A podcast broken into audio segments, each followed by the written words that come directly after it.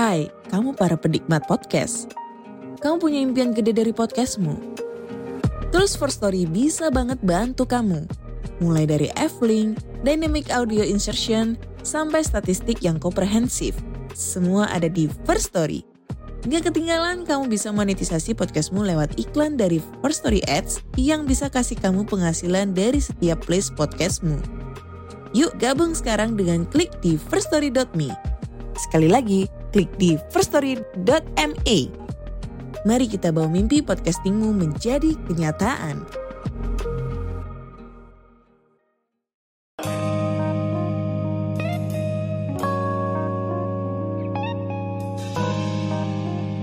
Yo guys, balik lagi bersama gue Randy Dan gue Biorka Biorka nih ya Biorka. Di Konspirasi Kopi Seruput dulu kopinya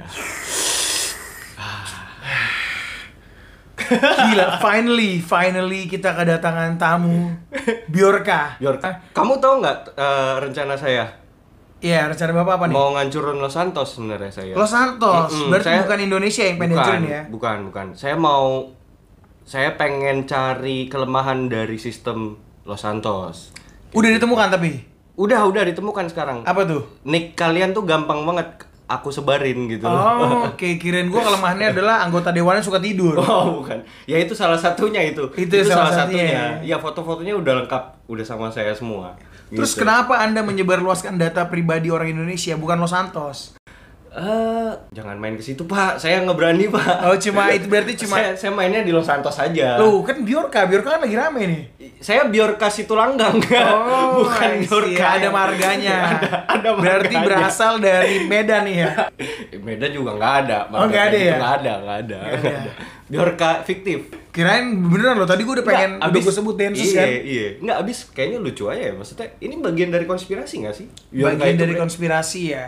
Siapa tahu orang dalam Los Santos sendiri itu, Bre, yang yang bikin seolah-olah sebenarnya ini mereka Biorka.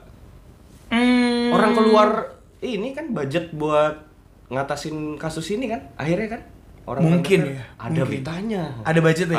ada budgetnya loh di situ lumayan loh mm-an I see. gue gak tahu sih, tapi kalau gue pernah ditanya juga Ah. pendapat gue pribadi terkait Ah. Biorka gitu. Ah, ah. Cuma gue gak mikir sejauh itu sih, Ah, karena banyak orang katanya bilang, wah ini Ah. adalah pengalihan isu si Ya, A, ya, pengalihan isu ya, si B. ya. Banyak Tapi- lah ya. Iya. Hmm. Tapi menurut gue enggak sih kalau gue. Hmm. Kalau gue justru ngeliatnya memang, Emang Biorka pure- ini ya memang seorang hacker. Aha. Mungkin dia sedikit nasionalis terus dia kayak, ya apaan sih ini pemerintah? tapi maksudnya orang luar kan menurut lo kan Enggak orang Indo. oh lu menurut lu malah orang, Indo, Orang Indo menurut gua. Orang Indo tapi tinggal di luar. oh gitu Menurut gua ya. hmm. Karena kalau dia tinggal di Indonesia bunuh diri sih. iya iya iya iya benar ya make Iya. sense ya make sense ya Kalau Iya, dia bener. tinggal di luar, gampang dia tinggal di kan? Singapura ya it's gonna be hard for the government to trace them. bener bener bener maksudnya gampang ngetrace juga kalau di dalam Yes, negeri gitu yes. kan Iya, Dan iya. menurut gue dia nggak nggak cuma satu orang, tapi yang ditampilkan adalah satu orang. Sebenarnya dia kayak tim gitu. Oh, Menurut gua ya. Iya iya iya iya iya.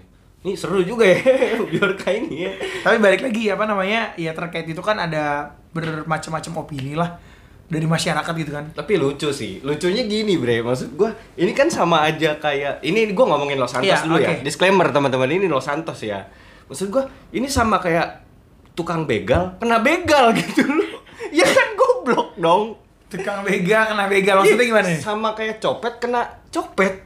Ngerti gak Hmm, nggak masuk masih di gua. Kementerian titik-titik Oke. dihack. Kan goblok. I see. Iya? I see, I see. Goblok dong. Iya sangat goblok sih. Sangat goblok. Los Santos. Maksud gua, gua bayar lo, kita bayar pajak Mm-mm. buat kementerian ini anjir, buat menjaga kon kekondusifan, iya kan? Iya. Iya kan ranah internet apa pun itu gitu kan. Tapi kok bisa dihack gitu kan lucu anjing. Karena mungkin ini ya cara cara nyaringnya ya. Hmm. Let's say misalnya lo seorang IT profesional. Lu masih aja memperhalus udah emang goblok. Enggak ya gini, gini. Menurut gua kenapa bisa kayak gitu karena Ah, gini. ah, ah. Let's say you are a professional IT. Iya, iya. Itu terus- hackernya. Enggak, lo, Oh, lo. oh gua Iya. katakanlah, oke. Lo as a personal lo tuh seorang IT profesional. Ya. Terus lo join mau masuk kementerian gitu atau lo join mau masuk PNS. PNS Los Santos iya, ya. Terus menjadi seorang IT di sana. Hmm, hmm. Ya sekarang nggak make sense, lo nggak mungkin lolos kalau lo cuma jago IT. Tes PNS kan ada tes kewarganegaraan, tes Hmm. lain-lain sosial. Sedangkan ilmu lu lu cuma hatam Ngerti, di ngerti, IT. ngerti, ngerti, ngerti gua Ngerti nggak lo? That's Iya, why yang keterima IT di uh, sana ya orang-orang yang capable. Oh, Jadi nggak ka- nggak kapabilitasnya Nggak di situ kapabilitasnya. dia. Jadi berarti ada ya kapabilitas kali lagi. Kapabilitas. Iya iya iya iya iya. Iya bisa bisa bisa. Jadi kayak teman gue mau jadi IT Ah, gitu kan ah, di let's say dia mau jadi PNS lah. Hmm. Mau ikut IT. Iya. Pinter nih secara Iya. skill IT. Tapi Tapi, harus- ketika ikut tes nggak lolos men. harus apal undang-undang dasar ya. Iya. Undang-undang dasar Los Santos ya. I see. Kan lucu kan Ya, nyambung nggak make kan? sense, kan? Goblok kan? Jadi maksud gua ya ya ujung-ujungnya apa ya? minta maaf kan minta maaf lu maksud gua gua bayar lu buat bukan minta maaf lu kalau mau minta maaf mending mundur dah iya nggak Iya. mending mundur aja sekalian ngapain Agree, agree, maaf? agree. Iya, gua, gua gua jadi dia malu, Bre. Mundur gua. Bener. Emang Los Santos nih, aduh, udah Karena Bre? segampang itu ya. segampang itu. Segampang itu. Segoblok itu gitu Asli. loh, ya kan. Maksud gue kok yang ditangkap sampai tukang parkir ya kan tolol nggak ada yang nggak nyambung dong. Iya dong. Aduh, gua mah ya. Ih, nggak ngerti lagi gua.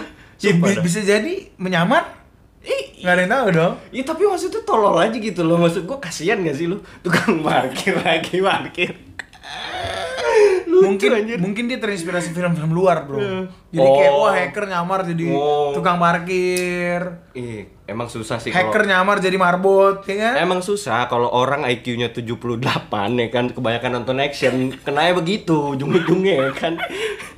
Aduh, aduh. ya udahlah kita berdoa saja kita ya emang cuma bisa berdoa gitu loh karena dari skill tidak capable Iya, ya Gitu gue kan. kita juga nggak bisa apa-apa ya sebenarnya kan ya. Cuman maksudnya kan itulah dia kenapa kita bayar pajak kan emang kepada yang ahli gitu kan, yang Benar, ahli untuk benar. mengurus hal ini gitu kan. Tapi kan ujung-ujungnya minta maaf kan. mungkin biar ini alien bisa jadi teknologinya lebih bisa tinggi jadi, ya kan bisa jadi. lebih advance jadi ya balik lagi kita cuma bisa berdoa yang terbaik untuk Republik Rakyat Los Santos Los Santos. iya Iya, semoga iya. datanya itu tidak kenapa-napa tidak kenapa-napa. Iya. Oh, tidak digunakan untuk pinjol, ya kan?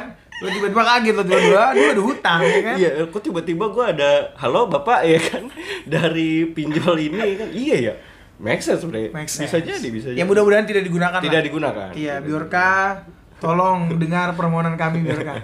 Masuk bre. Oke, Kita eh, mau ngomong apa sih? Jadi di sini kita mau coba ngebahas tentang Hmm. Anunnaki. Anunnaki. Nah, Anunnaki ini banyak di request nih oleh para listener kita nih. Hmm. Banyak listener kita tuh yang pada request kayak, Bang, bahas Anunnaki dong. Mm-mm. Alien yang katanya Tuhan kita. Iya, iya, iya. Dibilang katanya, eh iya itu alien adalah Tuhan, Tuhan adalah alien gitu kan. Nah ini kan juga kan kemarin ada yang komen kan di kitab Henok Di kitab Henok ya ada yang komen ya. ada yang bilang bahwa ini tuh kayak kisah Anunnaki ya benar emang ada hubungannya gitu loh ini kalau secara nggak langsung kalau mau kita eh, apple to apple gitu ya kalau kita mau bandingin tuh sebenarnya sama kurang lebih ceritanya sama gitu loh Oh, terkait Fallen Angel sama Anunnaki ya? yes kurang lebih sama I sebenarnya see. Tapi gue justru malah nggak baca tuh di komen kitab Henok. Mm-mm. Gue justru bacanya itu di podcast Opini Tengah Malam. oh gitu Asli. apaan tuh? Tulisannya apaan Gue lihat ya di situ ada yang komen kayak, "Bang, bahas lagi dong Anunnaki." Anunnaki ini remake Iya. remake katanya Remake Oh, katanya berarti dia si udah op- pernah buat. udah pernah buat opini tengah malam hmm gitu Nah, maksud gue jelek kali ya yang dulu ya gua nggak tahu deh, gua nggak tahu ya. Tapi intinya Oh, gitu. di sini gua ingin memanfaatkan timing. Oh ini kita riding Iya. the wave ya. Kita ambil pasarnya opini tengah malam. Hei, hei, hei. Bersiap Anda ya akan datang newcomer konspirasi kopi nih. Yoi yoi. Bersiap, bersiap, bersiap. Yoi. BTW lu dengerin opini tengah malam gak sih? Dengerin lah, ini senior gua malah. Serius? Lu kan nganggapnya sebagai saingan nih. Enggak, gua Oh, nggak enggak? nganggap sebagai saingan. Oh enggak. Menurut gua mereka di bawah kita lagi. Bangset, jahat banget bangset. Enggak. Gua dengerin tuh eh, gimana ya? As a pembuat konspirasi pertama lah di Noise bisa dibilang gitu. Oke. Ya, menemani malam-malam kesepian gua. Oke, oke. Sampai gua ketiduran ya kan. Sampai lu ketiduran. Iya, sampai gua ketiduran. Gila. Berarti sebagai pengantar tidur dong. Bukan, saking bagusnya ceritanya. Saking bagusnya. Makanya gue ketiduran. Kalah lagu Nina Bobo. Anjing. Kalah ya. Kali kali kali. Sorry tadi gua apa namanya? Gua perjelas dikit ya. Yang maksudnya lebih di bawah itu maksud gua adalah umurnya mereka di bawah umur kita. bro. Bener dong. Iya Tapi kan dong. belum tentu lebih pinter dari kita kan. Belum tentu, belum tentu. Iya kan? Anjing. Opini tengah malam, tolong dengerin konspirasi kopi ya. Enggak, enggak, enggak, enggak. Bagus, bagus. Bagus, bagus. Opini tengah malam bagus. Kita berjalan bersama. Bersama. Seiringan. iya Dalam satu konspirasi. sampai kita menjadi nomor satu dan mereka tertinggal. I love opini tengah malam. I love konspirasi kopi. Lanjut ya. Lanjut. Lanjut deh. Oke. Daripada kita bahas opini tengah malam lu basi lah. Anjing. Ya kan? Enggak ada. Nih di malam hari ini kita mau bahas terkait Anunnaki nih, Bre. Anunnaki ini jadi highlight gitu loh. Maksudnya kayak like everyone talk about Anunnaki Hmm. at that time ya. Ya, ya, ya. Di tahun 2015, 16, 17 tuh kayak like hampir semua orang bahkan di Kaskus segala macam mereka nggak bahas terkait Anunnaki. Dan ini mulai diangkat lagi ke YouTube itu di tahun 2019, 2020, 2021, 2022 gitu ya oleh banyak YouTuber terkenal lah. Jadi si Anunnaki ini punya daya tarik yang cukup kuat nih. Mhm. Nah, itu alasannya kenapa sih, men? Jadi ketika itu adalah isu kiamat kan waktu itu. Isu kiamat. Tahun 2012. Dikatakan bahwa penelitian tuh percaya, para peneliti itu percaya bahwa kiamat itu akan terjadi pada tahun 2012. Bumi itu akan ditabrak sama suatu planet, nama planetnya Nibiru gitu.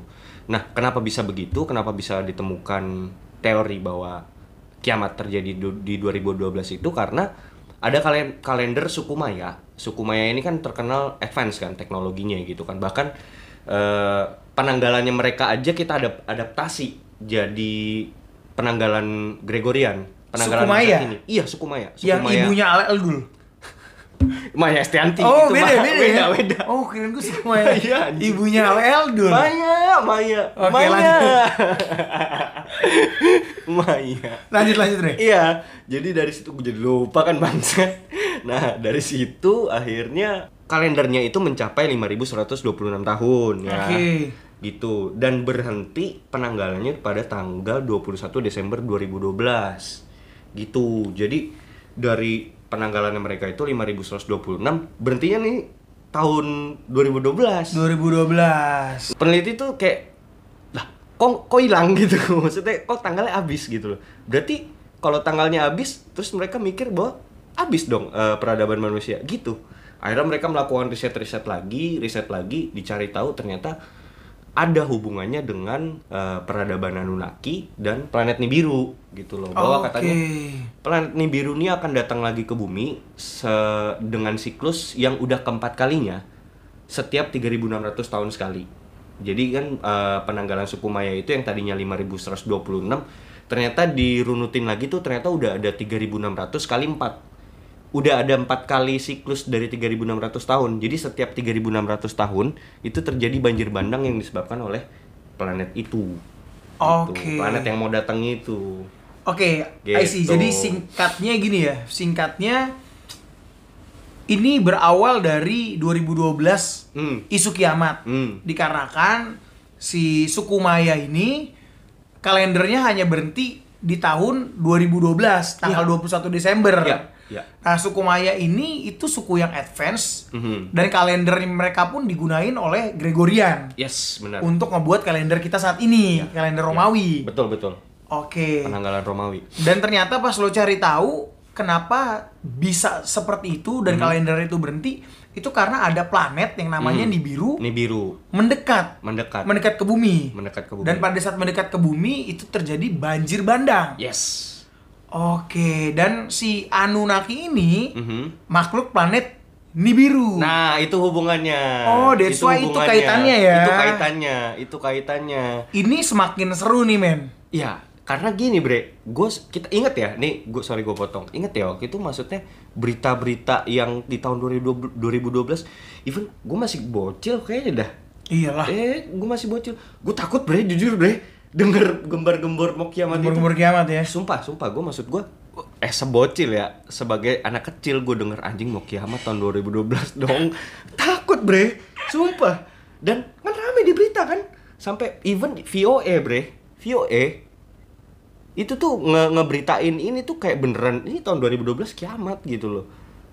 Berita VOE tentang isu kiamat tahun 2012 ntar gue taruh link. Iya. maksud gue Banyak forum-forum berita gitulah yang Iya, ngeberitain iya gitu kan? loh.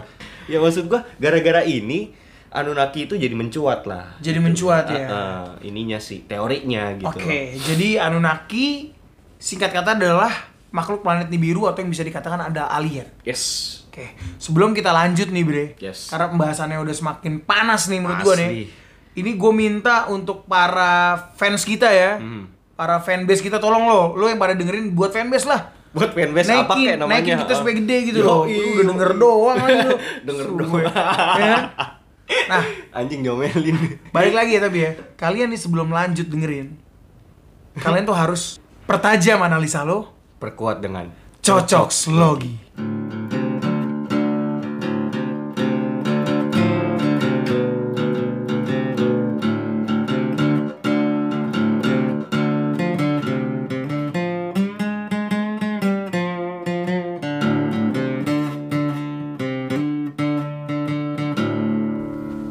Lanjut Sen. Oke. Iya. Jadi si Anunnaki adalah makhluk planet Nibiru. Yes. Planet Nibiru sebenarnya apa nih? Jadi eh, ini menurut penelitian ya, penelitian yang dilakukan sama Institut Teknologi California. Jadi para ilmuwan itu meneliti bahwa planet Nibiru itu adalah sebuah planet kesembilan, jaraknya itu berada di tengah-tengah Neptunus sama Pluto, gitu. Nah, terus ini planet kesembilan ini di, disebut-sebut mengelilingi dan mengorbit matahari dalam periode 3.600 tahun sekali. Jadi periode kita ngorbit bumi, orbitnya bumi itu kan satu tahun. Nah dia ini 3.600 tahun. Jadi satu tahunnya kita di mereka tuh orbitnya 3.600 tahun untuk ngiterin matahari. Oke, kalau kita kan 360 hari ya. Ya, benar. Iya, kita 360 mengorbit hari. segitu. Betul, betul kayak gitu. Nah, dipercaya mereka ini tuh orbitnya tuh nyampe di tata surya kita dan bisa keluar juga. Jadi 3600 tahun itu keluar keluar dari tata surya, ntar masuk lagi gitu. Oke. Kayak gitu. Jadi bisa dibilang planet ini itu ada di Dua outernya, galaksi. iya. Ada di dua galaksi yang berbeda. Iya iya. Gua nggak tahu di, galaksi apa tuh Di luar galaksi Bima Sakti, tapi Mm-mm. dia ada di waktu-waktu tertentu bisa balik ke galaksi betul, kita. betul kayak gitu. Oke. Dan banyak planet yang ada di dalam tata surya kita di galaksi Bima Sakti itu bisa mengalami disrupsi kalau adanya kedatangan planet ini. Nah, terus eh, orang-orang ilmuwan, ilmuwan-ilmuwan dari Institut Teknologi California ini juga mengidentifikasi nih, Bre, sebuah planet ini yang eh, kira-kira ciri-cirinya tuh seperti ini. Ini mereka mencirikan planet itu ya. Jadi masa planet ini tuh sebenarnya 10 kali lipat lebih besar dari bumi. Oke. Gila lu bayangin 10 kali lipat lu, Bre. 10 kali lipat lebih besar dari bumi. Ukurannya itu 3,7 kali lebih besar dari bumi. Oke. Gila, itu kayak apa Jupiter tapi lebih gede lagi, lebih besar dari Jupiter malah. Dan leb- jauh lebih berat ya. Jauh lebih berat. Jupiter itu kan paling gede nih di, di, di Bima Sakti gitu. Nah, ini ada yang lebih gede. Lu bayangin kalau ditabrak gitu, bumi. Wah, gila sih. Iya kan? Ya gimana nggak ngeri gitu kan? Nah, terus diperkirakan suhu di sono tuh mencapai minus 226 derajat Celcius. Terus permukaan planet ke-9 ini mostly terdiri dari zat besi dan mineral logam. Kayak gitu. Jadi bukan soil yang berupa tanah gitu loh, tapi logam. Jadi permukaannya tuh logam. Nah, ditambah dengan gaya tekan gravitasi yang kuat dengan suhu yang mencapai minus 226 derajat Celcius tersebut, sehingga memproduksi seribu kali energi lebih banyak ketimbang energi yang ia terima dari matahari. Jadi maksudnya tuh ketika mereka terima energi ma- dari matahari itu satu, ya mereka mancarin 10 ri- ah, seribu lebih kuat. Kayak gitu. Oke. Jadi kayak semacam kalau di Neptunus tuh kan kayak ada halonya kan. Itu kan, tapi debu itu kan. Maksudnya lingkaran yang mengelilingi planet itu kan debu kan. Kalau ini tuh kayak pancaran energi, Bre. Di sekelilingnya. Jadi dia justru bisa merefleksikan Radiasi ya? 10 kali lipat. Bener, radiasi. Jadi planet itu sekelilingnya radiasi semua kayak gitu loh. Jadi dia tuh semakin planet ini mendekati orbit bumi, gejala yang ditimbulkan sama planet bumi adalah tsunami, gempa, erupsi vulkanik, badai. Bahkan eh, peneliti juga percaya bahwa global warming ini disebabkan pancaran energinya planet itu Oke. kan semakin lama bumi ini kan semakin banyak banyak penyakitnya gitu kan banyak makin tua makin muncul banyak penyakit ya itu sebenarnya bukan gara-gara bumi ini makin nggak sustainable tapi gara-gara ada suatu planet yang mau mendekat gitu loh Itu menurut teori ilmuwan gila. tapi Oh, bukan, bukan. iya iya ya ini menurut menurut Benar, benar. kita ini ilmuwan gila ya tapi maksud gue ini kan dia Institut Teknologi California gitu Iya, loh iya. sekelas itu Benar, gitu benar. kan nah terus di tahun 2012 hasil dari ilmu, ilmuwan ini diprediksi oleh para ilmuwan lain akan mengalami collision atau tabrakan dengan bumi yang pada akhirnya prediksinya meleset itu Oke oke. Lanjut Sen. Mm-mm. Setelah eh, kan si Anunnaki ini adalah makhluk dari planet Nibiru. yes Dan dia berarti datang nih ya ke Mm-mm. bumi. Mm-mm. Datang ke bumi. datang ke bumi datang ke bumi Oke, dia membuat suatu peradaban. suatu peradaban Peradaban apa tuh yang mereka buat? Nah, nama peradabannya itu Mesopotamia. Nah, peradaban Mesopotamia ini juga harus gua belah ya, harus gua kuliti satu persatu, eh, harus gua breakdown.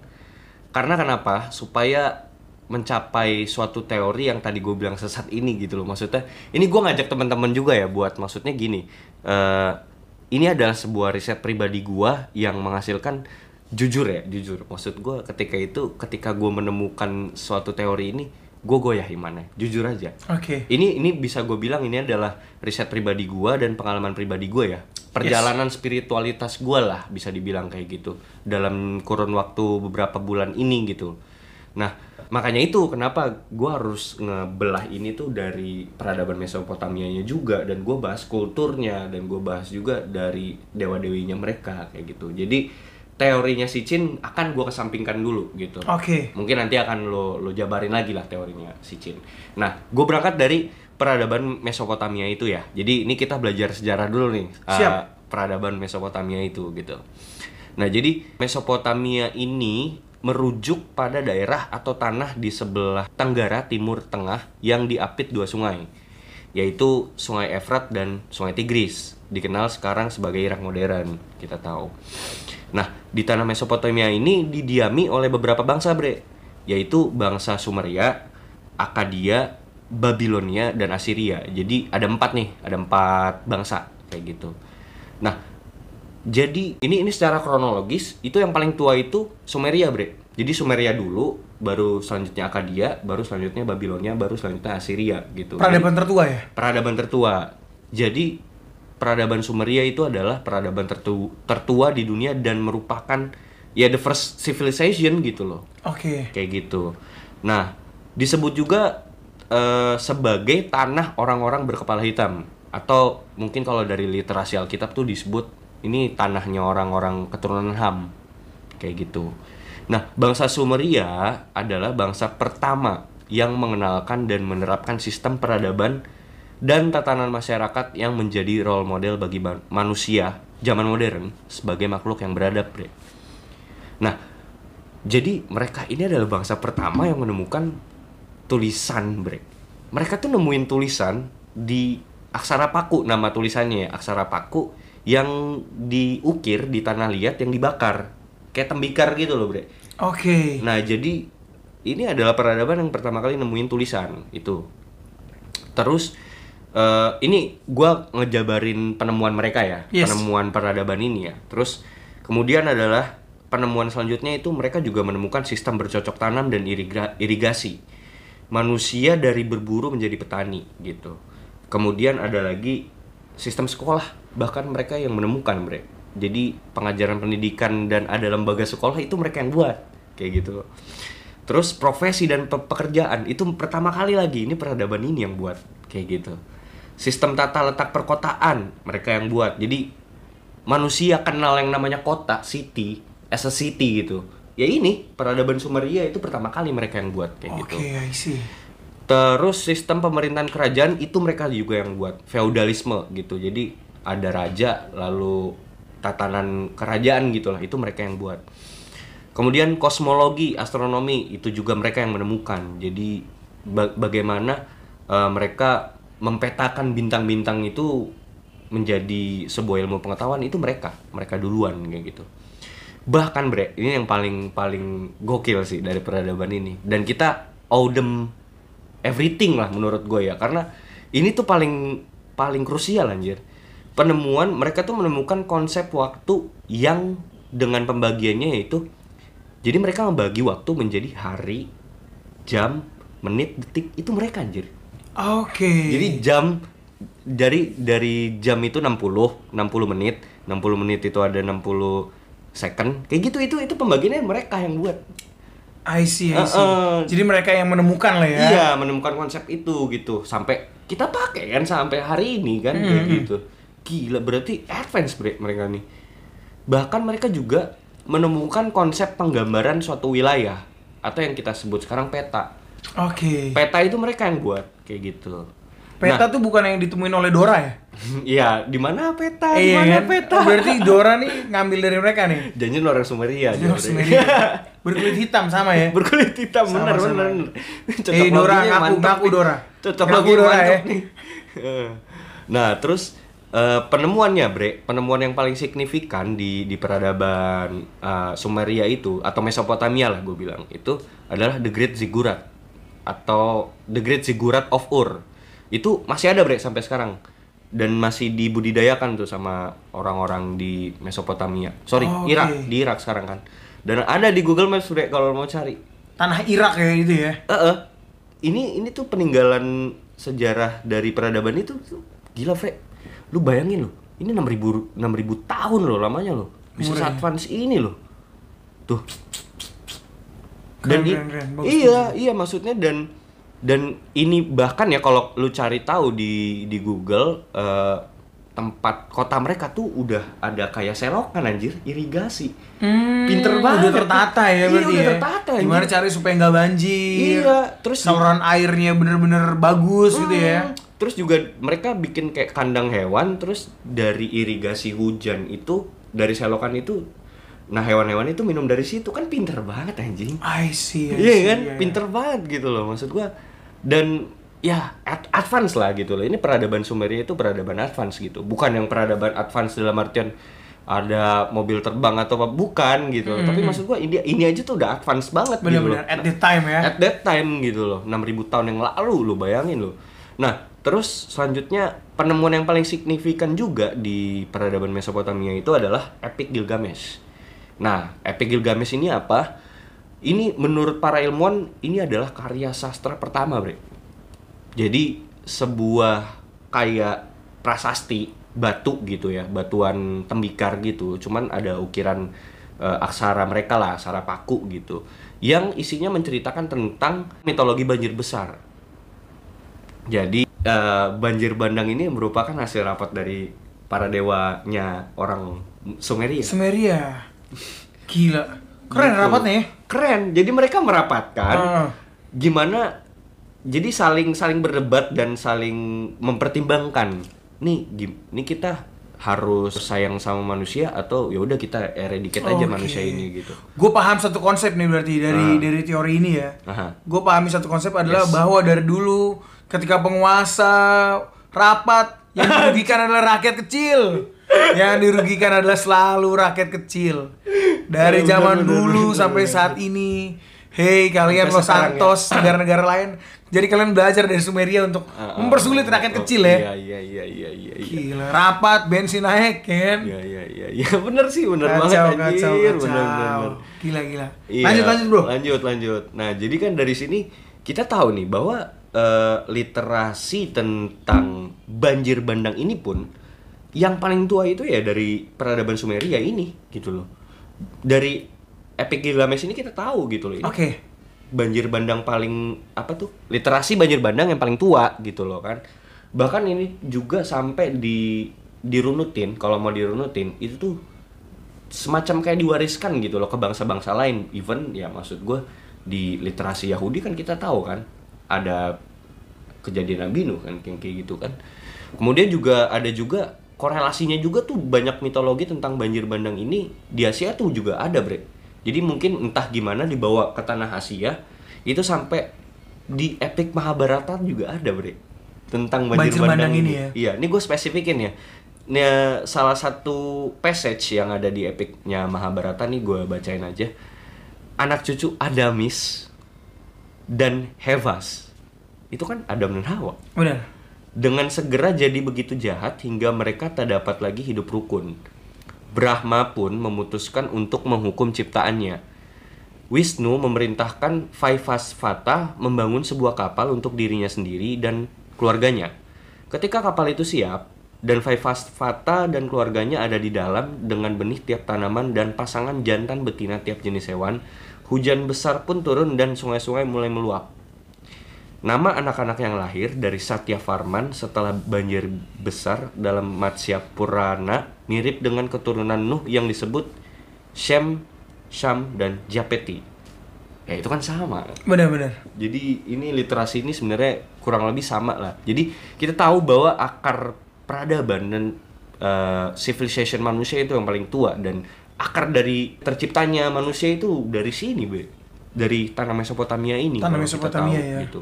Karena gue lupa nyebutin tadi. Jadi sebenarnya mereka ini uh, peradabannya itu udah dari tahun 6500 sebelum Masehi sampai mereka bener-bener eradicate dan hancur itu pada tahun 401 sebelum Masehi. Itu udah dekat-dekat kelahiran Jesus kayak gitu. Nah, ini gua akan itu kan tadi Mesopotamia menurut sejarah ya. Nah ini gua akan ngerunutin Mesopotamia menurut catatan Alkitab gitu. Nah kenapa kenapa gua harus ngebawa Mesopotamia dari catatan Alkitab kenapa? Karena ini adalah riset yang gue lakukan pure sendiri ya. Maksudnya riset yang gue lakukan sendiri itu kenapa? Karena gue mencapai suatu teori yang tadi gue bilang di awal ini adalah sesat karena melewati riset yang gue lakukan ini gitu loh. Oke. Semua itu gue runutin sampai ke ke sini gue tuh langsung ngeriset gitu loh. Nih di Alkitab bener nggak gitu loh maksudnya. Bener ada nggak gitu kan. Nah ini gue ungkapin nih teman-teman. Eh, coba gue ungkapin hasil riset gue gitu kan. Ini hasil riset domba tersesat ya. Domba tersesat. Domba tersesat. Kayak Seperti paman Coki, the Lord of Lucifer. ngeri udah ngeri. ngeri. Ngeri-ngeri ya. Lanjut lanjut. Bre. Lanjut. Nah, kita tahu kan di dalam literasi Samawi atau kitab Yahudi, Nabi Nuh itu kan punya anak. Nama anaknya itu Sem, Ham, dan Yafet.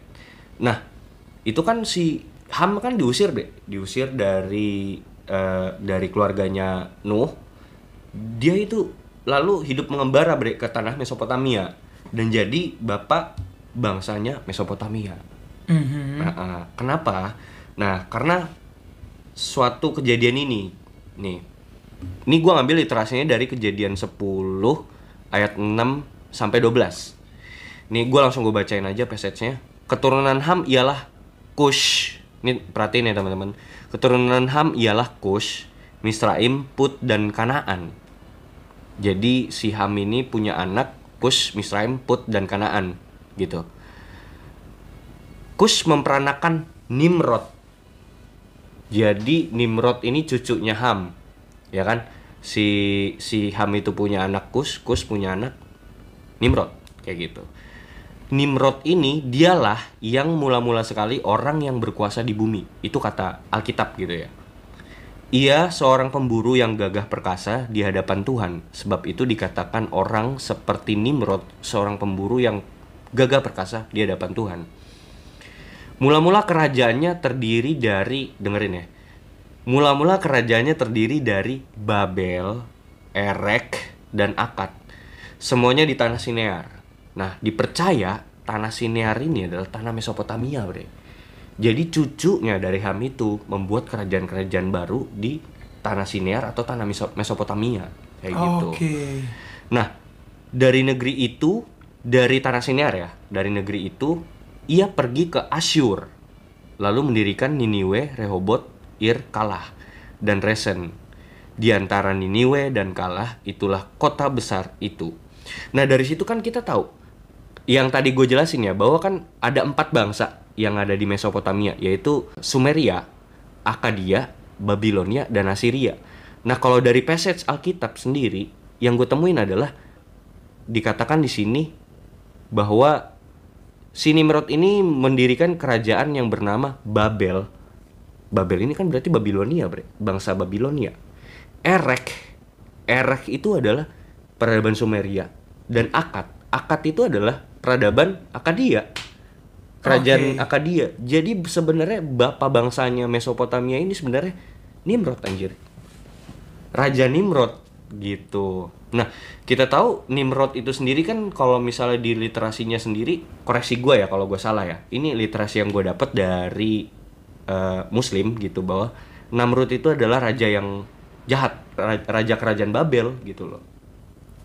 Nah, kemudian di sini kan kalau kita tahu timeline kerajaan yang didirikan Nimrod itu kan pertama itu kan Erek atau yang disebut dengan Uruk atau yang disebut dengan Sumeria. Itu berada pada tahun 5400 se- sebelum Masehi sampai 2334 sebelum Masehi. Terus kemudian Akkad, kemudian Babilonia kuno, kemudian Assyria kuno. Itu semuanya sampai dari 5400 sebelum Masehi sampai 1056 sebelum Masehi.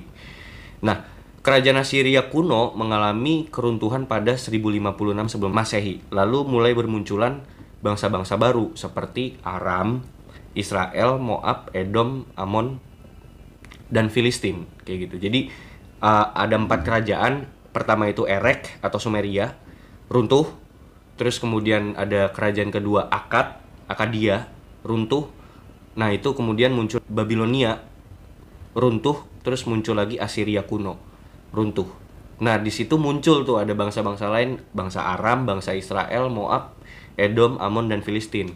Itu bangsa-bangsa yang ada di Alkitab semua, Bre. Oke. Iya kan? Maksudnya Israel tuh beberapa kali perang dengan bangsa-bangsa ini kan, kayak gitu. Nah, semenjak saat itu tanah Mesopotamia kemudian diduduki oleh kerajaan-kerajaan baru secara bergantian se- semenjak keruntuhan dari Assyria kuno itu, yaitu New Babylonia. New Babylonia ini ini Babel yang paling terkenal. Kalau Babel awal itu kan Babel yang men- menaranya tinggi sampai ke langit itu. Mm. Nah, sekarang nih New Babel itu Babel yang paling terkenal itu adalah Raja Nebukadnezar. Oke, Ah, ah, yang jadi- Daniel. Yes, benar Daniel gitu. Itu kisah pembuangan Babel tuh, kayak gitu. Terus setelah New Babylonia runtuh, masuklah Persia. Jadi kerajaan Persia itu kerajaan terakhir yang menduduki tanah Mesopotamia sebelum kelahiran Yesus, sebelum Masehi. Oke. Kayak gitu. Nah, kita tahu di situ ya dari dari beberapa data yang gua ungkap tadi, itu list kerajaan yang ada di Mesopotamia itu bisa gua runutin kayak gini. Jadi bangsa Sumeria itu kan bangsa bangsa pertama, kerajaannya itu meliputi Uruk atau Erek. Nah, ini tuh disebut sebagai kota pertama, Bre. Erek. Erek gitu. Kemudian ada Ur. Nah, ini gua nge-riset Ur itu sebenarnya adalah Ur Kasdim. Ur Kasdim itu adalah tanah kelahirannya Abraham. Oke. Nah, di sini nih. Ini nih letaknya nih. Tar ya, tar, tar gua akan ungkap lagi selanjutnya. Lanjut.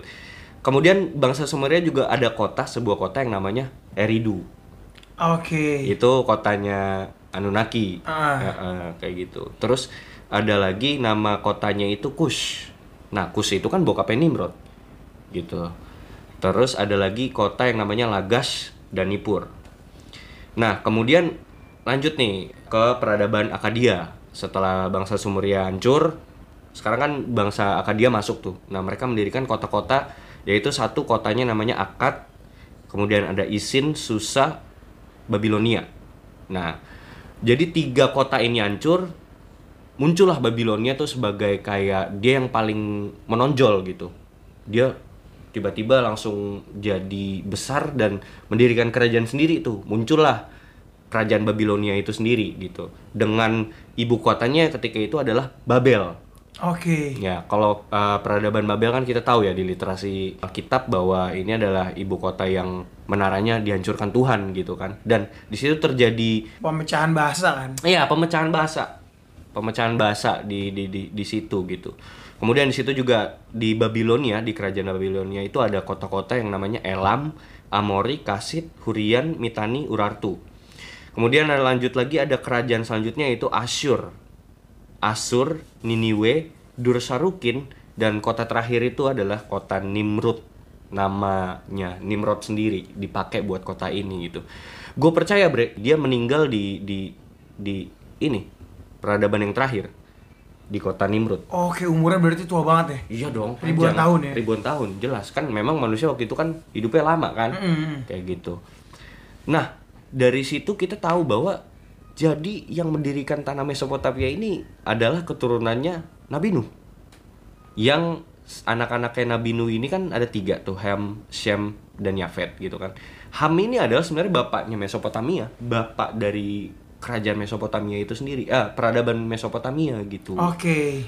Nah, yang tadi gue ungkap beberapa hal menarik yang gue temukan di riset gue di dalam Alkitab ini ya, dan hubungannya dengan, dengan Mesopotamia adalah jadi Mesopotamia tadi gue katakan adalah merupakan kampung halamannya Abraham.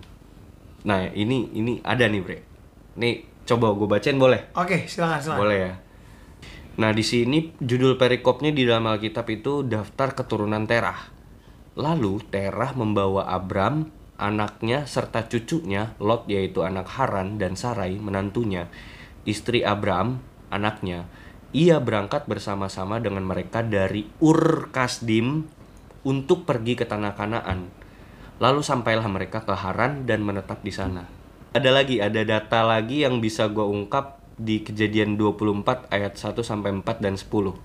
Intinya aja ya, jadi kayak Abraham itu kan telah tua dan lanjut umurnya gitu. Dia kan punya anak namanya Ishak, Bre. Nah, Ishak ini disuruh nyari pasangan, nyari bini itu ke tanah Urkasdim. Gitu. Nih ayat 4 Nih, tetapi engkau harus pergi ke negeriku dan kepada sanak saudaraku untuk mengambil seorang istri bagi Ishak anakku. Oke. Nah ini ayat 10-nya dibilang Kemudian hamba itu mengambil 10 ekor dari unta tuannya dan pergi dengan membawa berbagai-bagai barang berharga kepunyaan tuannya. Demikianlah ia berangkat menuju Aram Mesopotamia ke kota Nahor. Oke.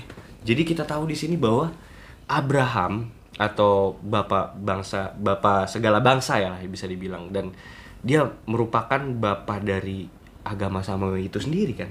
Bahwa Islam Kristen dan Yahudi mengimani bapak ini gitu loh sebagai bapak bangsa gitu loh. Dia itu sebenarnya orang asli dari Mesopotamia kita tahu. Nah ini hal menarik nih yang gue temukan dari situ. Kemudian hal menarik yang gue temukan di dalam Alkitab juga ada satu kota Babel itu menara Babel itu arsitek pendirinya adalah Nimrod atau Raja Namrud yang dikenal sebagai tokoh jahat dalam literasi Islam. Nah, gue temuin di sini juga ada bahasa Aram, Bre. Nama bahasanya itu bahasa Aram. Jadi bahasa Aram itu adalah bahasa resmi kepemerintahan dan upacara keagamaan yang digunakan oleh orang Assyria atau itu Assyria itu kan orang-orang Mesopotamia gitu kan atau orang Asyur dan berbagai kekaisaran Mesopotamia lainnya. Jadi bahasa Aram itu adalah bahasa resmi, bahasa official orang-orang Mesopotamia ke- ketika itu. Nah, tapi bahasa Aram ini merupakan bahasa utama yang dipakai dalam kitab Talmud, Kitab Talmud apa tuh? Taurat. Sebelum Taurat. Yes, Oke. gitu. Dan dipakai juga bahasa Aram itu dipakai juga dalam bahasa asli dari teks perjanjian lama kitab Daniel sama kitab Ezra. Jadi kitab Daniel dan kitab Ezra pertama kali ditemukan itu dalam bahasa Aram. Nah, bahasa Aram itu sendiri adalah bahasa orang Mesopotamia Oke. gitu. Nah, dan ada satu riset lagi yang mind blowing juga. Ternyata, ternyata bahasa Aram itu adalah bahasanya ibunya Yesus. Oke. Bahasa ibunya Yesus dan digunakan sama Yesus juga dalam kesehariannya di tanah Yehuda ketika itu dan Galilea gitu loh. Bahwa memang ada bahasa Ibrani, tapi bahasa Ibrani itu yang mem- mempertuturkan tuh cuman kalayak-kalayak orang-orang petinggi gitu loh. Oke. Kalau kayak orang-orang kelas menengah ke bawahnya Pakai bahasa Aram pakai ya? bahasa Aram gitu. Dan ini adalah bahasa yang dipakai di Mesopotamia itu tadi gitu. Nah, dari sini gua akhirnya gue menemukan benang merah, Bre. Gue menemukan benang merahnya gini. Bahwa banyak sekali literasi yang ada di eh, kepercayaan Yahudi atau kepercayaan Samawi lah gue bilang itu ada relevansi dengan literasi yang ada di Mesopotamia. Oke, ada kemiripan lah ya. Ada kemiripan. Tapi secara orang-orang Mesopotamia nyembahnya dewa-dewi yang banyak politeis.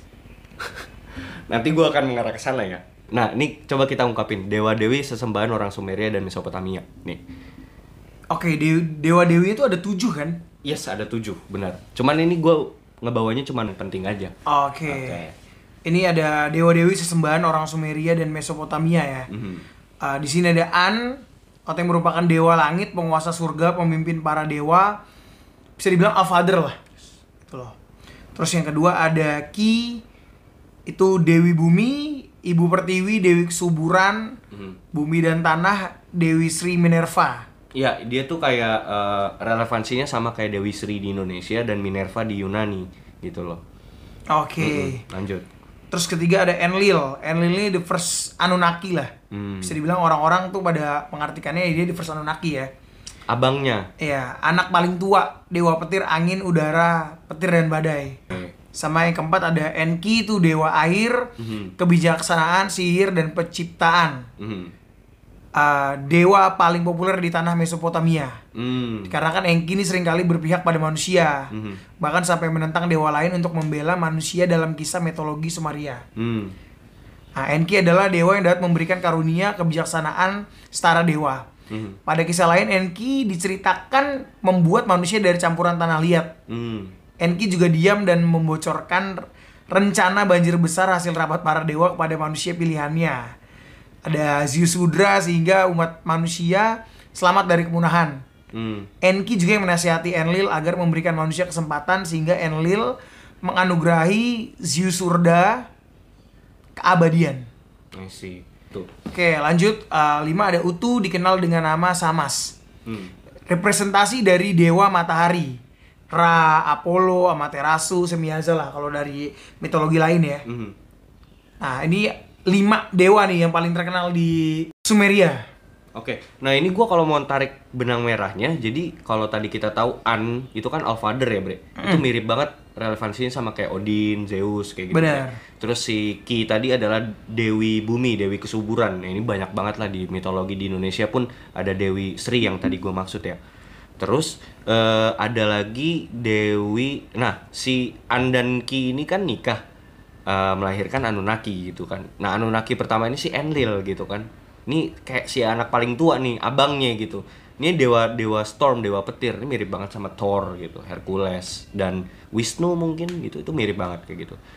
Nah, kemudian Enki, dewa air kebijaksanaan. Ini mirip banget sama kayak Poseidon atau kalau di literasi Yahu- Yahudi tuh dikenal dengan nama Leviathan. Kayak gitu. Lanjut yang tadi Utu. Nah, Utu nih menarik, ini paling menarik. Kenapa? Karena dia juga dikenal nama lainnya adalah Shamas. Nah, kalau kalian teman-teman dengerin di kitab Henok sebelumnya kita bahas juga bahwa eh, malaikat yang jatuh ke dalam dosa itu kan ada dua, Azazel dan Shemiaza. Hmm. Kurang lebih namanya sama anjir. Sa Syamas, Shemiaza. Bener kan? Oke. iya oke, kan? Dan eh, sambungannya adalah Syam, Semiaza ini juga dipersonifikasikan sebagai dewa matahari anjir. Oke. Dewa dewa Amaterasu, dewa ya pokoknya dewa-dewa matahari lah gitu. Apollo gitu tuh mirip gitu. Dan ini mirip banget. Nah, kenapa juga gue bisa bilang mirip?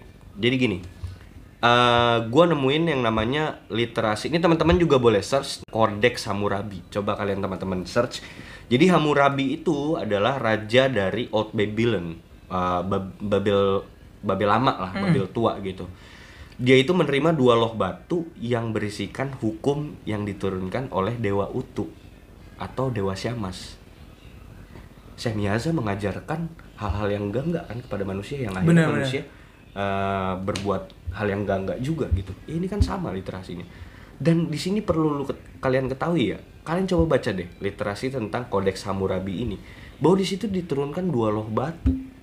Di sini ada relevansi anjir. Ya kan? Maksudnya nah tapi ini sebenarnya hukum yang diturunkan adalah hukum yang dipakai sama tetua-tetua Yahudi zaman dulu di mana gigi ganti gigi, mata gan- ganti mata yang itu bre, Oke. hukum yang itu. Iya, iya. Bukan hukum 10 perintah Allah, bukan Benar-benar. gitu. Tapi maksud gue di sini kita bisa menemukan bahwa ada korelasi lah kayak gitu, ada ada korelasi gitu.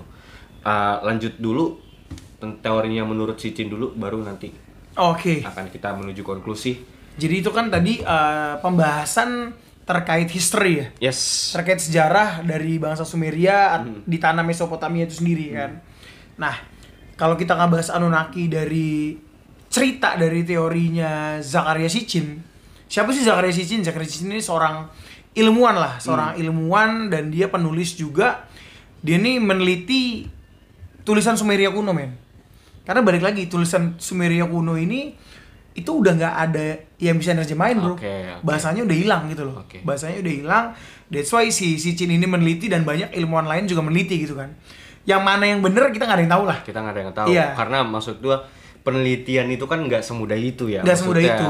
eh, mungkin bisa di track dari bahasa Aram itu sendiri yang tadi kita tahu bangsa terakhir itu bangsa Assyria itu di track lagi sampai ke bangsa Sumeria mungkin gitu kan. Kita Yes. nggak tahu gitu. Lanjut. Nah, jadi eh, adalah beberapa kelompok ilmuwan tuh menemukan lah ya, menemukan bukti-bukti yang berupa prasasti. Jadi pada tanggal 23 Maret nih 1843 di Korsabat Irak, yang which is kita ketahuin bahwa tanah Irak ini adalah tanah Mesopotamia. Di situ dilakukanlah penggalian harta karun, men. hmm. Yang dipimpin oleh ilmuwan Prancis yang bernama Paul Emile Botta. Hmm. Di situ dia menemukan sisa-sisa harta di istana Assyria. Hmm. Nah, berdasarkan dari itu nih, jadinya si si Chin ini neliti tulisan-tulisan Sumeria kuno, men. I see jadi dia ketemuin suatu prasasti prasasti itu diterjemahin sama dia tuh Diterjemahin prasasti Oke, itu. dan menemukan eh, teori ini menemukan teori ini. teorinya tentang apa sih Bre? Singkat cerita ya, Ah. teori ini tuh berkisah terkait ya planet Nibiru tadi. Hmm. Jadi kita relevansiin dengan setiap 3600 tahun, Mhm. setiap 3600 tahun, Mhm. Nibiru itu masuk orbit nih, masuk Oke. orbit galaksi Bima Sakti yang dekat sama bumi.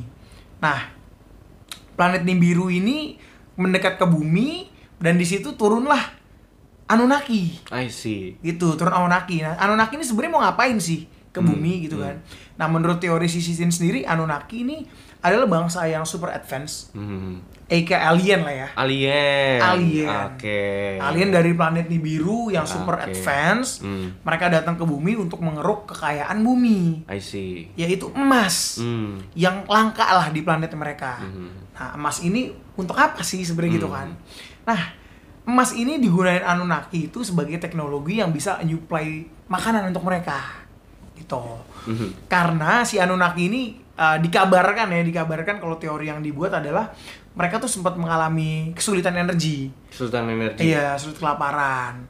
Nah, karena mereka udah jadi bangsa yang super advance, teknologinya mereka sendiri ada magic and alchemy. Alchemy. ha-ha. Nah, that's why mereka tuh butuh emas nih Hmm. untuk teknologinya mereka untuk mereka bisa supply makanan terus-menerus. I see. Ya. Iya iya iya. Datanglah mereka, bisa dibilang mereka astronot pertama lah. Mereka main-main nih ke apa namanya? planet-planet lain, mungkin ya. ya. ha-ha, Planet lain nyari emas. nyari emas. Sampai akhirnya mereka menemukan bahwa bumi ini sumber emas lah. Maksud gue gini, kenapa nggak ke toko emas aja sekalian langsung kan? Nah. kan banyak. Bener. Menurut gua kenapa lu gak langsung rampok emas gitu Iya. lah. Langsung aja tuh di pasar Babelan banyak, Banyak, ya. bro. iya. Aduh. Nyari sampai ke planet-planet mana kan? Di apa namanya pondok gede. Iya, ya. pondok gede. Lu tinggal modal pistol, Iya, telepon makanya, Bos. Woi. Eh. open PO ya. Open PO. Ingat open PO bukan open BO. Open PO bangsat. Lanjut lanjut. Nah, jadi si Anunnaki datanglah ke bumi. Hmm. Itu diperkirakan mereka tiba tuh di bumi 445 ribu tahun yang lalu lah. Hmm. Dan mereka membangun kota yang indah bernama Eridu. Ah, ini ada nih eh, kota aslinya nih. Kalau Ada di ya, sejarah ada aslinya. namanya kota Eridu. Nah, di dalam kota itu ada taman yang indah Hmm. bernama Eden. Oke, kirain taman fantasi, Bre. Jaya, kira gue taman impian Jaya Ancol, Iya. fantasi ya kan. Ya. Nah lanjut ya, di situ Anunnaki mulailah menambang emas men, Hmm. mulai menambang emas. Apakah mereka menambang sendiri? Oh tentu tidak, Itu tidak. karena mereka sudah bersikap bosi bro, Oh, udah bosi. seperti dari- anggota-anggota dari dewan lah. Anjir. Gitu. Anggota dewan terhormat Los Santos. Mereka bosi karena emang diajarin oleh Anunnaki nih. Oh, gitu. Untuk jadi bosi. Diajarin sama Anunnaki ya. Iya, iya, iya. Anunnaki di sini mempekerjakan Igigi, Igigi. Oh, Igigi. ini alien. alien. Alien. Alien dari diambil lah dari planet, Planet lain lah mana ya. gitu ya kan? diambil disuruh kerja men nah Hmm. ternyata pas ketika disuruh kerja si Iggy gini lama-lama kesal sama Anunnaki karena Anunnaki ini bersifat ngebosi gitu kan Oh, lu nyuruh-nyuruh gua mulu lu gitu ya. asli udah ngebosi sombong Oh. terus kayak mereka direndahkan gitu kan Oh, kayak nggak dihargain. nggak ya. dihargain Oke, sama oke, seperti oke. para pekerja Kaum milenial bekerja dan kalian tidak dihargai oleh bos-bos kalian. Kalian kerja sampai jam 11 jam 12 malam, gaji tetap sama. Kalian seperti gigi kalian nih. Gigi. Kalian gigi kalian. Serasi gigi berarti. Nah, Nah, di situ gigi berontak, Bro. berontak. Berontak terjadilah perang tuh. Terjadilah perang yang luar biasa. Mungkin bukan akhir- perang kali, Bre. Apa tuh? Eh, tapi bener ya perang ya? Perang dong. Iya, War. kayak melawan dia tapi kalah gitu. kalah oke, itu oke. karena mereka dikalahkan loh oleh Anunnaki nih setelah mereka dikalahkan Anunnaki berpikir bahwa mereka harus membuat ras Hmm. yang, lebih pinter daripada si Gigi Tapi dan juga- tidak seberbahaya juga Hmm, tapi lebih patuh gitu ya. lebih patuh Oke, oke, oke. be obey lah ya kan nah mereka mencampurkanlah gen Anunnaki dengan gen nenek moyang manusia Hmm. ingat gen Anunnaki dan gen nenek moyang manusia bukan dengan gen halilintar Jangan disebutin. Karena dong. nantinya jadi asyap, ya kan? Masa disuruh kerja, woi, tambang emas lo, asyap, Asyap, ya kan? Asyap ya kan? Ya kan? Eh, bangun, asyap. Asyap, ya kan? Padahal masih tidur. Masih tidur. Masih asyap ya. Asyap bosku, asyap, ya kan? Oke, asyap aja dulu ya kan. Nah, Buatlah gen Anunnaki dan gen nenek moyang manusia. Nah, ketika dibuat hasil gen itu gitu ya, Hmm. banyak percobaan nggak sempurna bro. Oke. Iya, banyaklah terlahir satu ras baru yang bernama Nephilim. Nephilim. Wah, ini ada relevansi juga nih. Di kitab Enoch juga gue bahas nih. Iya. Nah, Nephilim kayak gitu. terjadilah raksasa-raksasa besar lah ya kan Hmm, yang nggak patuh sama mereka sampai akhirnya mereka mencoba lagi gitu ya. Mereka terus-terusan mencoba. Seperti Thomas Alva Edison yang mencoba membuat lampu ribuan kali. Anunnaki pun mencoba bro. Mereka percaya pada proses ternyata. Dan di situ lahirlah manusia pertama yang bernama Antimo. Anjing, bangsat anti. oh, bukan bukan. Salah baca gua. Ternyata bukan Antimo. Adamu. Adamu. Wah salah gua baca. Antimo Oh. masuk Antimo. Adam ini gua nggak tahu ya Adamu ini apakah di literasi orang-orang Mesopotamia ada yang bener namanya Adamu atau bikinannya si Sicin nih gua nggak tahu juga kita Oke. nggak tahu ini bikinannya Sicin atau bukan sih ya Nggak tahu. Apa mungkin Cin di endorse oleh Antimo? Pak, supaya tidak mabok naik bis ya kan, pinam Antimo. Udah di endorse, dikasih nama, oh mirip-mirip. Adamu. dicocok lagi nama dia Bener, bener cocok lagi. Nah, itu sejarah singkat uh, teorinya terkait si Sicin. Nah, Oke. kan gimana sih si bangsa eh sorry, gimana sih si Anunnaki ini setelah mereka berhasil menambang emas apa yang mereka lakukan dan kenapa mereka tidak ada jejaknya? Hmm. Dan itu diceritakan juga oleh Sicin bahwa ini terkait dengan siklus 3600 tahun si planet Nibiru tadi, men. Jadi planet Nibiru ini udah mulai deket lagi nih. hmm Udah mulai deket di situ terjadilah banjir bandang. hmm Hancurlah peradaban dong. Lo, jadi abis mereka menambang di bumi, udah nih, udah selesai cabut. Iya mereka belum cabut dong. Oh belum cabut. Mereka kan membuat peradaban Oke civilization. oke. Mereka peradaban itu berjalan terus. Lama tahun, Hmm. planet Nibiru mendekat bro. Oke. Nah, that's why mereka juga pengen balik lagi dong si Ya, Anunnaki ini karena kan ya. mereka nggak bisa balik nih Ya. karena si planet Nibiru lagi mengorbit. Di situ Oh. planet Nibiru udah mendekat dan terjadi banjir bandang, civilization yang hancur. Mereka balik lagi ke planet Nibiru itu. Oke. Iya iya Gitu. iya iya iya. iya. Iya pulang dong berarti ke ke planet di biru kan bener dong. pulang pulang dan uh, infonya sih banyak juga Anunnaki yang mati gitu loh yang karena Hmm, kena banjir bandang kena- itu kena banjir bandang Iya. itu. tapi Term- kalau dewa dewanya tuh pada selamat lah Hmm, yang yang mungkin kayak seven deities-nya tuh yang yang penting-pentingnya kali ya. benar Iya, dan ya banyak ras-ras Anunnaki lain yang juga pada balik lagi lah ke sana Hmm. dan dikabarkan bahwa in the next 3600 years later Anunnaki ini bakal balik lagi Pulang lagi iya bakal balik Eh, lagi datang lagi ke sini, ya sorry, bakal datang lagi ke bumi. bumi untuk menambang emas. Kayaknya sih gue tahu mereka bakal datang ke Freeport. Tuh. Ya mereka udah tahu tuh, wah Freeport banyak nih. Freeport banyak nih Iya. katanya datang lagi. Kayak doi. datang Iya, situ. Iya iya iya. Nah seperti itu sih ya teori Hmm. si Zakaria Sitchin ini. Sounds sounds foolish ya. Maksudnya terlalu bodoh ya gitu ya. Maksudnya kayak lucu banget gitu loh konspirasi ini gitu loh. Iya maksudnya eh, terlepas dari ini adalah eh, apa namanya? Ini kan film ini kan viral gitu kan. Terus orang tuh menemukan bahwa ya Tuhan itu alien gitu ya. Kayak maksudnya foolish aja gitu. Ya ini ini sebenarnya bukan ini yang bikin sesat menur- menurut gua, Bre. Mm. Tapi ya, Bre, kita serius lagi nih, Bre. Jadi eh dari riset hasil riset gue yang tadi dari hasil riset gue tentang historis Mesopotamia lalu kemudian uh, hasil riset gue juga lewat literasi Alkitab ya which is yang itu yang paling mendekati ya karena kan memang langsung integration langsung berhubungan gitu loh Oke. peradaban Mesopotamia dengan di Talmud dan di Taurat gitu loh Em, gue menemukan di situ bahwa Tuhan yang di kitab literasi Yahudi itu sendiri kan kita percaya bahwa Tuhan itu adalah satu kan Tuhan yang esa kan. Monoteis gitu kan. Tapi ketika kita menemukan Mesopotamia ini adalah peradaban paling tua which is munculnya itu lebih tua daripada kitab Samawi itu sendiri. Yang literally mereka adalah penyembah dewa-dewi politeis. Disclaimer ya teman-teman. Maksud gua gua nggak men- mencoba untuk men- mendiskreditkan agama apa pun tapi ini adalah hasil riset gua dan pengalaman pribadi gua berarti di sini si politeism ini akan mematahkan teori monoteism ini bre ngerti gak lo nah ini dia ketakutan orang-orang untuk memunculkan film Wananunaki ini karena ini anjing Oke. jadi karena takutnya orang berpikir bahwa oh ternyata Tuhan kita tuh politeis loh. Ternyata Tuhan kita tuh dewa-dewi loh, bukan Tuhan yang kita percaya as a God is esa gitu, Tuhan itu satu gitu yang kita percaya di agama samawi. Bahkan Abrahamnya sendiri pun orang Mesopotamia anjir. Oke. Gitu. Sebenarnya itu yang ditakutkan. Sebenarnya itu yang ditakutin ya? Sebenarnya itu yang ditakutkan. Mungkin orang akan merasa anjing. Kalau Tuhan ini adalah dewa dewi berarti ya kitab dan pelajaran agama yang kita pelajari selama ini tentang Tuhan itu eh salah. Ini kan pengalaman pribadi gua Hmm, dan gua menemukan bahwa iya juga ya. Maksudnya iya juga tuh gini. Berarti literasi Yahudi ini adalah adaptasi hasil adaptasi dari literasi Mesopotamia.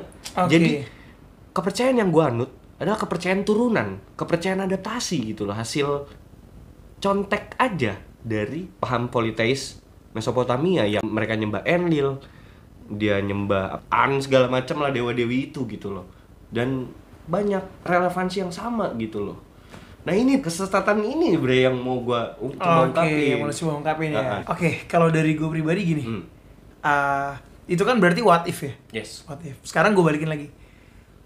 What if the theory about Mesopotamia itu yang mengadaptasi, yang diadaptasi dari kepercayaan Samawi, Hmm. gitu loh. Jadi kalau kayak let's say uh, we talk about Mesopotamia adalah peradaban tertua. Hmm. Sumeria adalah peradaban tertua. Yes. And itu bisa dibilang benar dan bisa juga dibilang tidak. Yes. Dan let's say ketika kita berasumsi bahwa itu adalah benar. Hmm. Peradaban Sumeria di tanah Mesopotamia adalah peradaban tertua. Ya. Gitu loh. Let's say kita bilang itu benar. Hmm.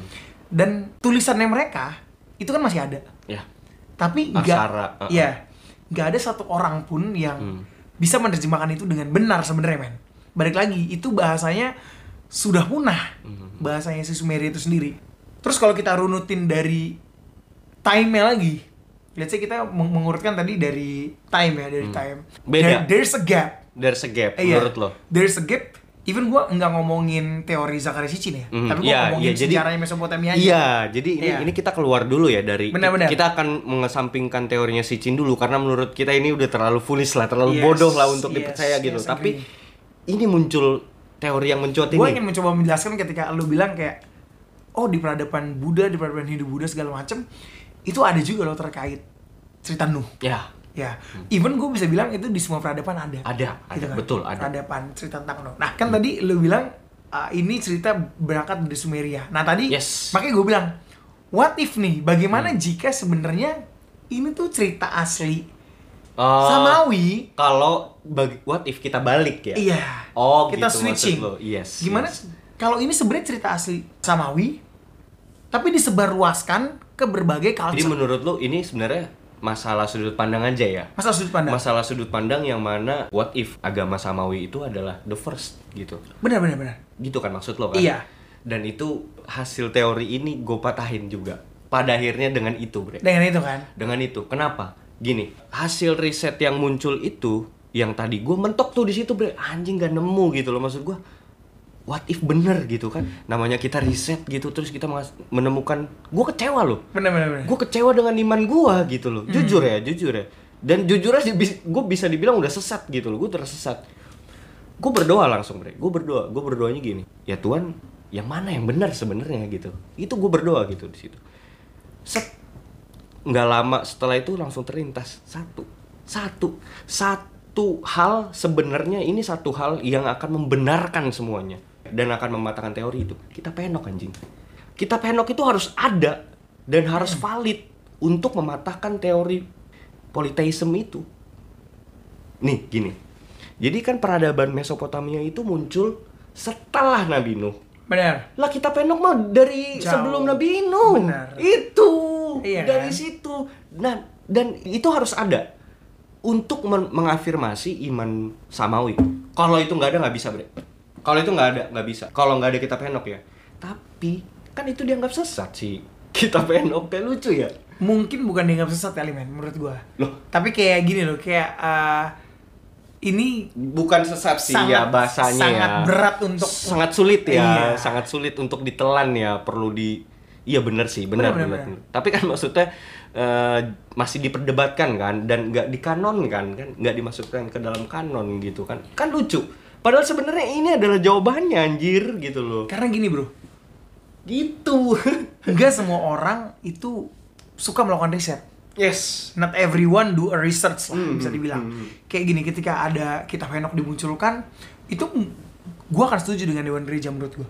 Ya, oke Gua akan setuju bahwa kitab ini sekalipun ini memang benar gitu yes kitabnya. yes Kayaknya ini better untuk nggak dimasukkan. enggak enggak gitu enggak loh. untuk kalayak umum lah Nggak untuk khalayak umum. Karena apa? enggak. ya ya ya, Karena setuju. satu uh, in Christian ya. Ini sorry teman-teman yang Muslim gitu ya. Ini gua ngebahas sedikit terkait Christian karena di Christian pun di situ dibilang bahwa berbahagialah orang yang tidak melihat tapi mereka percaya. I see benar Jadi benar, iman benar. itu memang harus timbul sendiri bro. yes Dengan lu banyak masuk ke ilmu pengetahuan, Yes. lu akan bersandar pada pengetahuan lu sendiri. Yes, benar benar. benar. That's why itu justru yang akan bisa ngebuat lu belok. Makanya Ya, ya, kayak ya, mungkin ya. Dewan Gereja mikir, oh ini gua hilangin dulu deh. Gua hilangin dulu. Iya, yang terpenting adalah gue mengajarkan humanity di sini.